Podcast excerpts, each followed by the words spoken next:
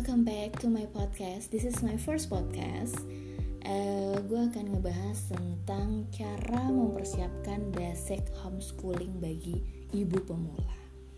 Kalau didengerin kayaknya agak berat, tapi menurut gue nggak berat sama sekali karena uh, memilih untuk homeschoolingin anak itu ternyata bukan suatu hal yang mudah buat ibu-ibu. Ini terjadi sama gue sih. Ini adalah sharing pengalaman gue sebenarnya yang nggak jauh banget.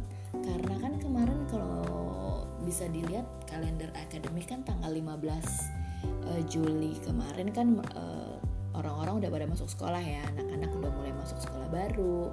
Kebetulan anak gue ini TK terus uh, udah lulus lulusan terus pasti mereka akan masuk sekolah baru SD baru anak SD gitu loh. Nah ceritanya eh, pada saat eh, beberapa waktu lalu lah gua itu memutuskan kenapa harus homeschooling. Satu pertama kali alasannya ya ini alasannya dulu nih gue ceritain nih.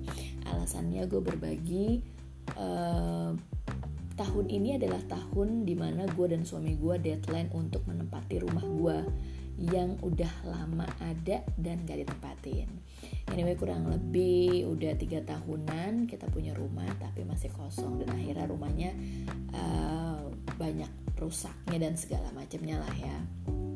Nah terus pas banget di tahun ini juga anak gue yang pertama itu yang lulus TK itu berarti kan harus masuk sekolah dong gitu jadi gue mem, bukan mengorbankan sih sebenarnya. Tapi eh, prioritas prioritas gue adalah pindah rumah dari rumah nyokap gue lalu gue pindah ke rumah gue sendiri. Yang pasti butuh budget butuh budget perbaikan terus butuh ya untuk kehidupan sehari-hari juga lah ya Bo gitu. Nah pada saat itu memang gue tidak mempersiapkan biaya sekolah di tahun ini gitu. Sebenarnya prioritasnya adalah satu anak gue baru enam tahun. Uh, kalau gue ngobrol-ngobrol sama banyak orang-orang berhubungan sama edukasi sama orang-orang yang memang concernnya ke situ uh, standarnya anak itu dikasih pelajaran sekolah itu tujuh tahun itu adalah pada umumnya sih tujuh tahun gitu. Pas lah ya dengan dengan usia segitu eh, katanya otaknya mereka pas sekali untuk menerima pelajaran. Nah karena aku juga masih enam tahun jadi gue berpikir ya udahlah biarkanlah dia bermain gitu. Karena uh, gue dan suami gue memang tipe-tipe orang yang uh, pengennya dia benar-benar eksplorasi dia bisa fun dengan masa kecilnya yang memang pada masanya harus bermain ya bermainlah gitu. Jadi uh, itu alasan gue. Alasan yang lainnya adalah uh, anak gue itu adalah salah satu anak yang visual juga karena gue memperkenalkan dia dengan Instagram. Eh, nggak uh, jelek juga ada ada plus minusnya sih sebenarnya. Pada saat gue lagi mau lihat Instagram terus dia pengen minta lihat Instagram LOL itu minusnya ya bagi gue karena memang uh, gue belum memberikan handphone atau smartphone buat dia oke di luar itu jadi uh, ada satu hari cerita gue itu memperlihatkan Instagramnya salah satu uh, teman sekolah yang zaman dia di TK. Jadi setelah lulus TK, ini uh, kakak kelasnya dia ya ceritanya. Setelah lulus TK, anaknya homeschooling sama ibunya di rumah gitu. Uh, karena kita berteman, kita gue ngeliatin itu aktivitasnya banyak banget, bagus banget dan bermain segala macam. Akhirnya gue ngeliatin ke dia, uh, tal, nih lihat deh, ini teman kamu nih si kakak A gitu ya. Dia seru ya main uh, homeschooling di rumah. Apa itu bu homeschooling? Dia tanya homeschooling itu apa? Terus dia ngeliat berbagai kegiatan di sana dan segala macamnya. Akhirnya dia kayaknya interesting gitu. Dan dia bilang bahwasanya aku mau dong homeschooling bu kita terus dia tercetus lah bahwa oh, dia pengen homeschooling. Terus gue tanya dong emang siapa yang mau ngajarin? Ibu. Tapi kan ibu suka marah-marah. Jujur ya Cin. Uh, iya terus dia ketawa aja gitu dan aku maunya ibu yang ngajarin gitu. Itu adalah challenge pertama gue bahwasanya apakah ini waktunya gue memilih untuk homeschooling gitu habis itu gue dari dari berdasarkan itu akhirnya gue mencari tahu tentang homeschooling itu apa sih. Terusnya uh, gue datang ke event-event yang dinaungi oleh komunitas homeschooling itu sendiri. Gue beli bukunya gue baca karya-karya anak homeschooling gue sampai ikut webinarnya. Akhirnya gue uh, masuk ke dalam satu komunitas dan gue membership di sana supaya gue bisa ngeliat apa aja sih kurikulum atau pelajaran-pelajaran yang bisa kita uh, download untuk dipelajari gitu. Nah sampai sejauh itulah gue nggak jauh-jauh banget sih, bo. gue cuman beberapa kali doang kok ke event-event kayak gitu. Akhirnya tapi kayaknya gue yakin banget bahwa ih keren juga ya gitu. Keren dalam arti kata gini. Um, beberapa apa nilai-nilai yang tidak diajarkan di sekolah formal atau di lembaga itu banyak banget ya kan? Mereka ya kayak gue deh zaman dulu uh, gue nggak suka matematika gue nggak suka akuntansi ya kan? Tiba-tiba gue harus masuk IPS zaman SMA terus IPS Jin akuntansinya 4 hello.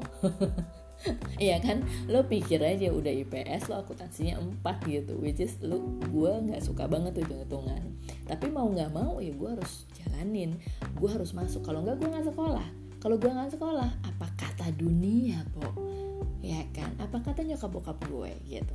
Nah gue adalah uh, didikan orang-orang yang masih konvensional which is orang tua kita dulu ya masih konvensional lah ya. Lo harus sekolah supaya lo bisa masuk kuliah terus lo bisa kerja. Kan gitu tuh dulu e, doktrinannya kalau sekarang kan udah nggak gitu lagi. Sekarang malah kan e, lo mau explore skill lo terus lo besokannya harus jadi entrepreneur lo jadi pembisnis. Lo harus buka peluang usaha buat orang-orang di sekitar lo bukan lo yang kerja. Kan sekarang e, wacananya kayak gitu kan ya banyak orang tua yang mewacanakan kayak gitu. Bo ini kok gue agak-agak serius banget ya ceritanya Gak apa-apa lah ya anyway. Oke okay. gue lagi on nih. On jam setengah tiga cin gue rekamannya oke okay. mumpung bayinya tidur oke okay. uh, iklan ya Bob nah jadi uh, menurut gue uh, banyak hal-hal yang memang tidak diajarkan di sekolah untuk nilai-nilai yang sebenarnya lu pengen dapet gitu terus uh, secara ekspre, ekspresif uh, kita sebagai anak, kreativitas kita, keleluasaan kita, hak kita bermain sebagai anak itu pasti akan jadi batasan dong di sekolah formal gitu. Bahkan banyak sekarang sekolah-sekolah formal yang misalkan kayak gini.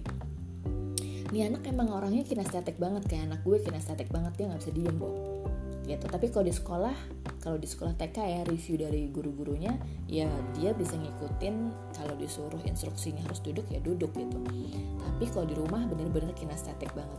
Lo akan bisa melihat anak lo di rumah seharian anak lo itu kinestetik atau orang anak yang seperti apa gitu.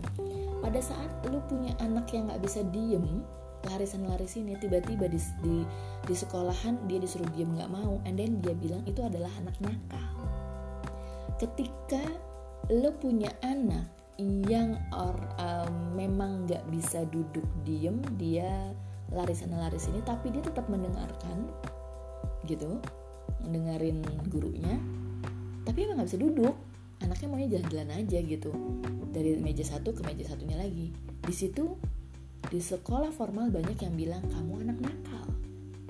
Pada saat kamu uh, ditanya sama gurunya terus dia balik nanya sama gurunya disangkanya lo membangkang gitu. Uh, ini sih belum gue belum rasain ya yang hal yang kayak gini. Tapi eh, hal-hal uh, ini pengalaman ini tuh deket banget sama gue. Gue punya teman sahabat deket dia juga bilang seperti itu.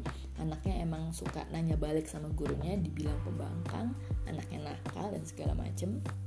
Gue juga punya uh, apa namanya keponakan. Uh, dia special needs terus dibilang sama sekolahnya sebelumnya itu adalah eh, nggak uh, bisa diem lah apalah apalah. Terus dia butuh apa namanya aneh lah dan segala macem gitu ya. Gila ya sadis ya. Padahal sebenarnya nggak gitu gitu. Padahal sebenarnya uh, kan sebenarnya kita kan nggak bisa ya ngebandingin satu anak dengan anak lainnya. Semua anak itu punya uniqueness sendiri masing-masing bahkan lu kalau punya anak dua katanya nih lu nggak bisa ngebandingin tuh anak yang pertama anak kedua tuh kudu sama nggak bisa. Apalagi sebuah sekolah yang satu kelas itu isinya banyak ya kan? TK gue aja kalau nggak salah itu ada 12 sampai 13 orang. Gurunya memang ada dua. Tapi dia gimana caranya mereka bisa tahu um, kelebihan kekurangan anak-anak itu kan memang memang kudu uh, effort banget ya gurunya ya. Kecuali emang sekolah yang memang punya visinya seperti itu misinya kayak gitu gitu. Uh, gue nggak nyalahin sekolahnya dan gue nggak nyalahin lembaga tapi banyak sekolah yang masih uh, konvensional gitu. Nah dibalik itu semuanya uh, gue berpikir gue hanya hanya mikirin adalah uh, nilai tambahnya buat anak gue dan gue untuk homeschooling satu quality time gue sama anak gue lebih banyak. Apalagi gue sebagai ibu pekerja ya yang biasanya pergi eh, jam-jam dia mau sekolah terus gue pulang jam-jamnya dia harus tidur gitu. Walaupun anak gue tidurnya juga tengah malam ya karena nungguin gue. Dan habis sampai rumah nungguin semua pekerjaan selesai uh -uh, netain adiknya terus baru main sama dia kebayang ya lo ya kalau misalkan kira-kira jam 12 anak gue masih bangun masih ngajak main jam satu itu dia juga masih ngobrol sama gue terus besok paginya gue juga harus berangkat kerja lagi gitu. Uh, kalau memang bisa gue bisa quality quality time setiap harinya kenapa gue harus memilih yang yang hilang gitu quality time gue gitu.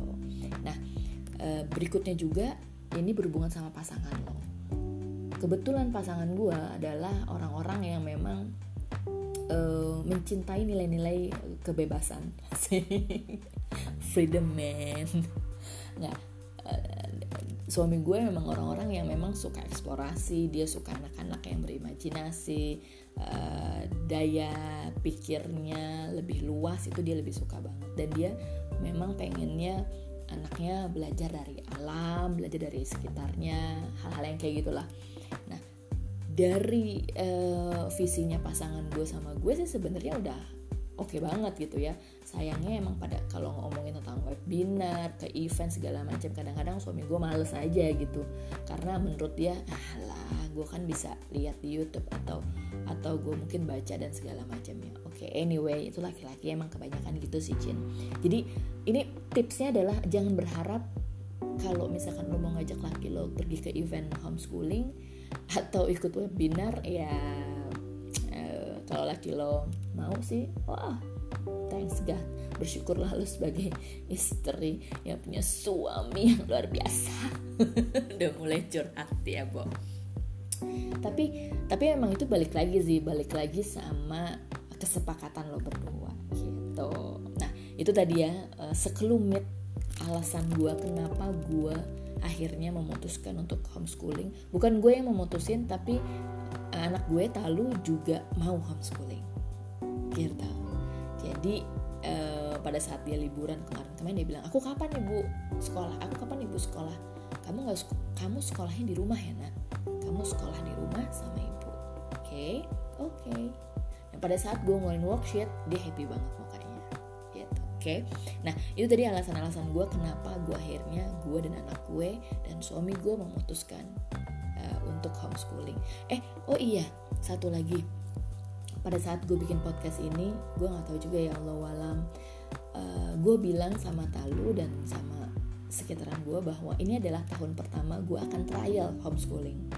Kalau e emosi ibu yang satu ini ibu yang uh, apa namanya mempunyai kadar emosi yang luar biasa terpendam. Gue akan terus. Maksud gue kalau emosi gue dalam uh, gue bisa memanajemenkan emosi gue untuk uh, ngajarin anak gue homeschooling dalam satu tahun ini berhasil gue bisa ngerem gue bisa bikin strategi apa pun itu bentuknya lah ya. Karena gila Cin struggle banget loh gue gue bisa ngomong kayak gini karena gue baru merasakan hal ini gitu. Dan gue udah ngebayangin bahwa gue bisa nggak ya? Gue bisa nggak ya? Gitu sih. Tapi kan gue dibantuin sama pasangan gue gitu.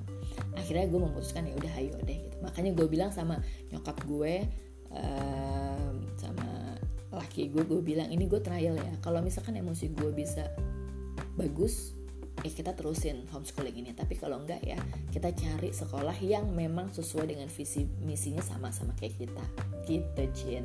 Jadi kalau misalkan setelah podcast ini satu tahun berikutnya anak gue masuk sekolah ya udahlah ya. Tapi setidaknya ini gue sharing aja pengalaman gue ya. Oke. Okay. Oke, okay, gue akan oke, okay, gue akan ngasih tahu gimana sih cara nyiapin basic apa sih yang sebenarnya lo harus uh, lakuin untuk ibu-ibu pemula. Ibu-ibu pemula itu dalam arti kata newbie yang baru pengen anaknya sekolah uh, homeschooling. Uh, mungkin ada cerita udah dimasukin sekolah formal terus anaknya stres karena teman-teman yang asik karena gurunya juga nggak membuat dia nyaman gitu akhirnya dia nggak mau sekolah terus uh, dan hal-hal yang lainnya yang barangkali membuat lo juga kayaknya berpikir aduh gue mesti pindah sekolah atau gimana ya nah ini dia oke okay. oke okay, kita akan bahas uh, poin-poin yang harus kita siapin di basic homeschooling bagi ibu pemula.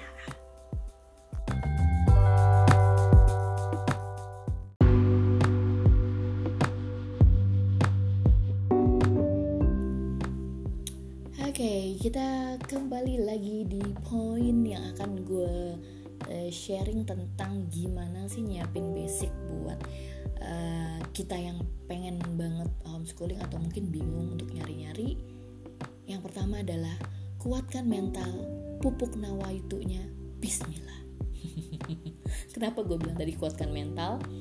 Ya karena itu satu uh, di Indonesia homeschooling itu masih kayaknya agak-agak uh, minoritas ya Bo. Apalagi lo harus berhubungan sama neneknya eyangnya omahnya tetangga kiri kanan saudara lo gitu. Tiba-tiba bilang eh kamu kok nggak sekolah? Aku homeschooling. Ih homeschooling kan nggak temennya. Iya yeah. itulah kenapa gue bilang kuatkan mental lo. Terus pupuk niatnya.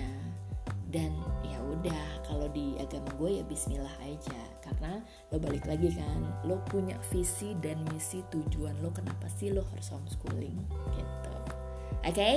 kedua, lo harus punya grand design akan ke mana lo bawa anak-anak lo itu. Misalnya, misalnya, visi lo tuh mau memupuk anak lo dengan nilai-nilai seperti apa sih?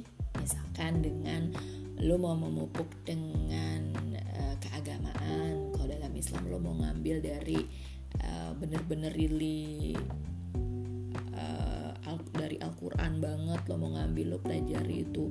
Lo mau me, apa namanya mengkaji Al-Quran sedalam mungkin hanya itu aja barangkali visi lo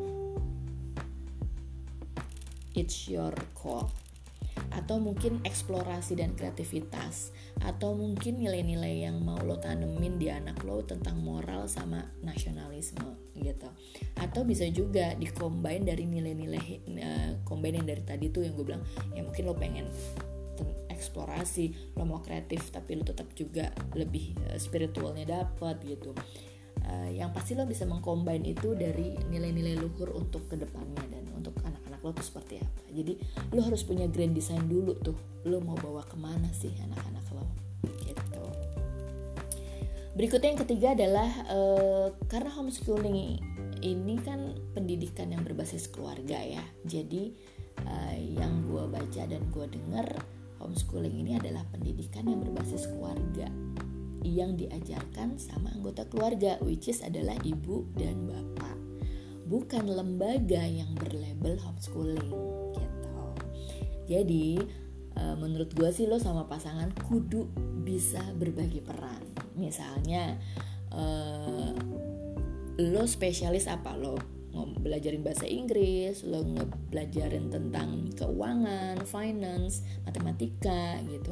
Terus pasangan lo mungkin lebih ke permainan atau mungkin ke alamnya atau bagian biologinya, sainsnya dan segala macam. Jadi memang lo sama pasangan kudu punya peran masing-masing gitu. Atau mungkin lo bisa bisa dibikin uh, suami lo kepala sekolahnya, lo guru pembimbingnya gitu jadi kita main sekolah-sekolahan bu. Oke. Okay.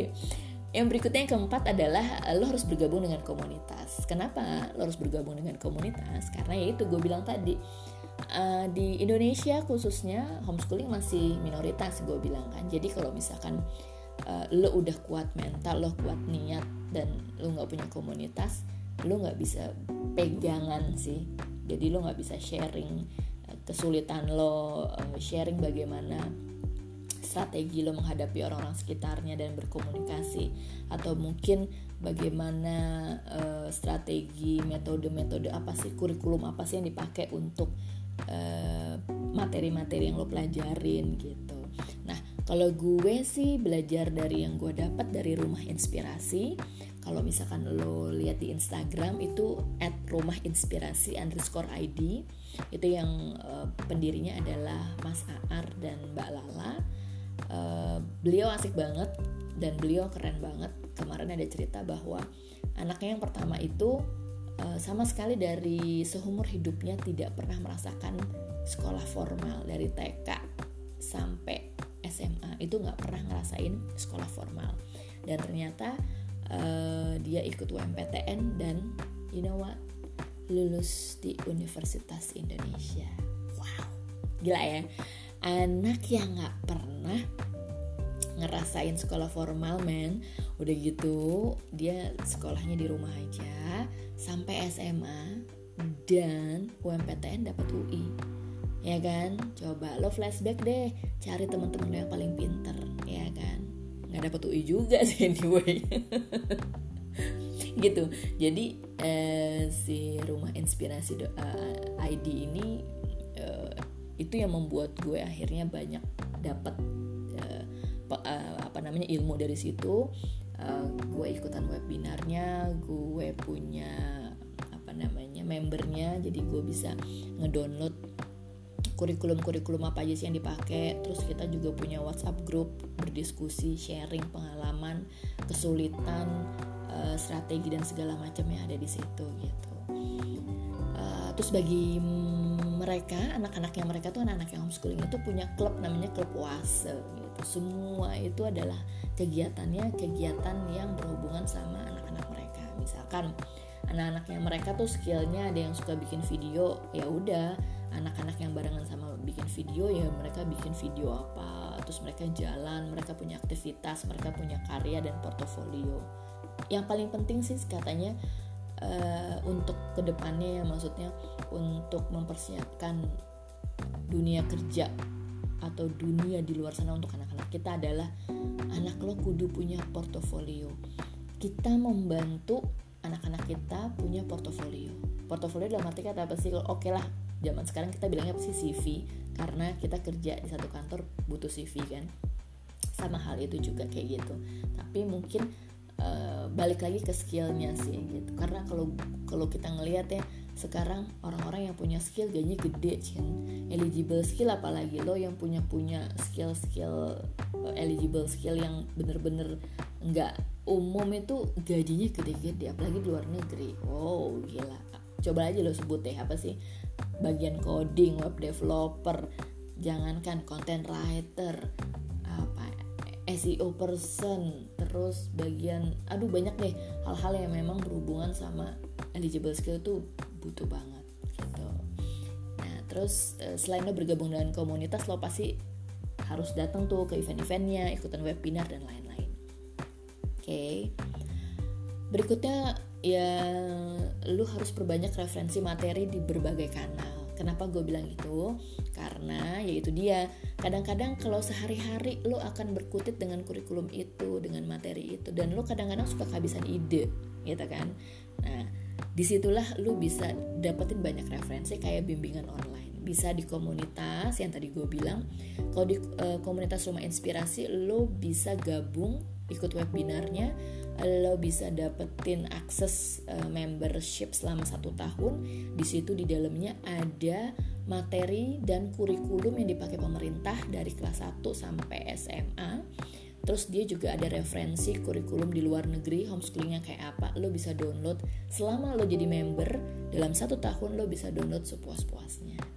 Harganya nggak sampai 500 ribu kalau nggak salah. Oke. Okay? Terus eh, sekarang juga eh, pemerintahan kita Kemendikbud itu punya rumah belajar ya. Namanya itu rumah belajar kalau lo mau browsing itu di belajar.com kemdikbud.go.id belajar.kemdikbud.go.id di situ juga banyak materi-materi yang bisa lo pelajari lo bisa download supaya uh, kayak materi dan juga apa yang lo mau kasih worksheet buat anak-anak lo. Satu lagi mungkin kalau kita tahu yang udah famous banget dan ini gila-gilaan menurut gue sih ini bagus ya. Ini ruang guru pada saat mm, dia bener-bener lagi gencar-gencarnya misinya kenapa dia bikin ruang guru aja udah keren banget sih menurut gue. Dan uh, itu pun juga harganya terjangkau. Menurut gue itu terjangkau banget gitu. Jadi itu salah satunya lo bisa memperbanyak referensi materi di berbagai kanal. Berikutnya adalah yang keenam. Uh, oh ini sih lebih ke ini sih ya apa lebih ke visual ya maksud gue lebih ke uh, bagaimana lo kreativitas membuat desain worksheet anak-anak jadi lebih tertarik gitu bagi anak-anak yang orang-orang yang lebih visual gitu ya. Kayak anak gue tuh orangnya visual banget dia lebih senang ngeliat yang lucu-lucu terus dia nulis dan menggambar. Lo bisa bikin worksheet itu di Canva. Canva.com lo buka uh, di smartphone lo bisa download. Di desktop lebih mudah sih dan lebih gampang. Lo buka Canva lo tinggal search aja kata kuncinya worksheet. Itu bakal keluar semua worksheet apa aja. Tinggal lo customize berhubung sama matematika, bahasa Inggris dan segala macam lo tinggal customize aja. Gambar-gambarnya pun banyak dan uh, di situ juga ada lesson plan untuk bikin jadwal, schedule dan lain-lain. Ya. Yang ketujuh adalah nggak usah ngepus diri lo sendiri ya bu ibu kenapa gue bilang gitu karena kalau lo ngepus sesuai idealnya lo lo pengen anak lo bisa ABC dalam satu minggu lo pengen anak lo uh, lebih unggul daripada teman-teman yang lainnya dalam waktu cepat dan itu tidak terrealisasi lo akan stres po. Ya kan? Pada saat stres akhirnya lo memaksakan anak lo untuk sesuai sama idealis lo bener gak sih? Dan anak malah jadi nggak happy. Anak nggak happy terus berantem. Terus buyar deh ya nek itu terjadi pada saat awal-awal gue melakukan homeschooling nek. Beracin tapi memang sih asli struggle banget sih. Uh, di mana gue uh, uh, pas lagi working from home terus gue harus uh, bahasin anak gue homeschooling. Wow. Udah gitu kerjaan gue lagi pas pik-piknya banget terus dianya lagi uh, apa lagi moodnya lagi nggak asik ya udah deh kelar urusannya bu nah jadi nggak usah ngepus diri kita sendiri sebagai orang tua sebagai pengajar di rumah. Pengen yang ideal pengen yang lebih bagus pengen yang lebih cepat nggak usah po ya let it flow. Biarkan aja dia berkembang dia jalan dengan apa adanya gitu. Karena gue yakin banget uh, perkembangannya anak-anak itu akan jalan dengan sendirinya kok. Gue yakin banget sih itu. Ya kan? Berikutnya adalah sharing pengalaman dan posting keseharian anak homeschooling di blog atau sosial media. Itu kenapa sih? Bukannya ria ya, gue bukan pamer juga, Cin. Tapi ini untuk menguatkan niat kita sebagai ibu. sebagai ibu yang di tengah-tengah masyarakat yang masih ambigu dengan permasalahan homeschooling itu mulai ya agak sinetron ya Eka jadi lebih ke menguatkan niat aja sih Bo untuk proses pembelajaran homeschooling itu sendiri jadi uh, kalau lo sharing pengalaman mungkin nanti ada engagement dari orang-orang ada uh, pertanyaan dan segala macam itu akan menguatkan lo oke okay, gue lanjut. Oke okay, gue enggak. Gitu. Tapi semoga gue lanjut tuh. Amin. Dan yang terakhir adalah selamat mencoba ya Cin. Kalau kebanyakan teori kebanyakan baca kebanyakan referensi lu juga pusing nantinya. Kebanyakan tanya sama orang-orang yang which is uh, visi misinya bukan homeschooling dalam arti kata bukan memang um, berbasis ke keluarga berbasis um, keintiman sama ibu dan bapak uh, dengan pemikiran-pemikiran konvensional ya lo pasti akan akan terjerumus di situ sih gitu. So, gimana gue ibu jadi homeschooling? Atau enggak? Itu terserah ya. Itu balik lagi sih sama kemauan. Yang pasti sih sebenarnya jangan kemauan lo bo. Kemauan anak lo juga. Kalau anak lo emang mau sekolahnya di rumah terus uh, dia jadi sama lo kayak anak gue dia mintanya kayak gitu requestnya gitu ya udah mau apa dong ya kan? Ya tapi uh, sekarang kalau misalkan lo searching di Instagram banyak banget kok uh, apa namanya influencer-influencer yang memang mereka itu beraktivitas di rumah bersama anak-anaknya. Sekolah di rumah. Intinya tuh sekolah di rumah uh, dipegang oleh keluarga. Keluarga inti adalah bapak dan ibu. Itu. Itu sebenarnya yang literally homeschooling sesungguhnya yang aku tahu. Yang aku baca dan aku dengar. Ya sudahlah ya mommy. Kalau begitu uh, segini aja. Semoga sharingan gue Uh, cukup bermanfaat. Semoga lah ya Bo ya. Karena kalau gue pendem-pendem sendiri juga nggak bermanfaat juga buat Eke ya kan? Kalau gitu thank you so much udah dengerin cerita Bu Ibu versi mania. Kalau gitu podcast berikutnya gue akan menceritakan yang lain lagi. Ya? Oke? Okay? oke? Okay? oke? Okay. bye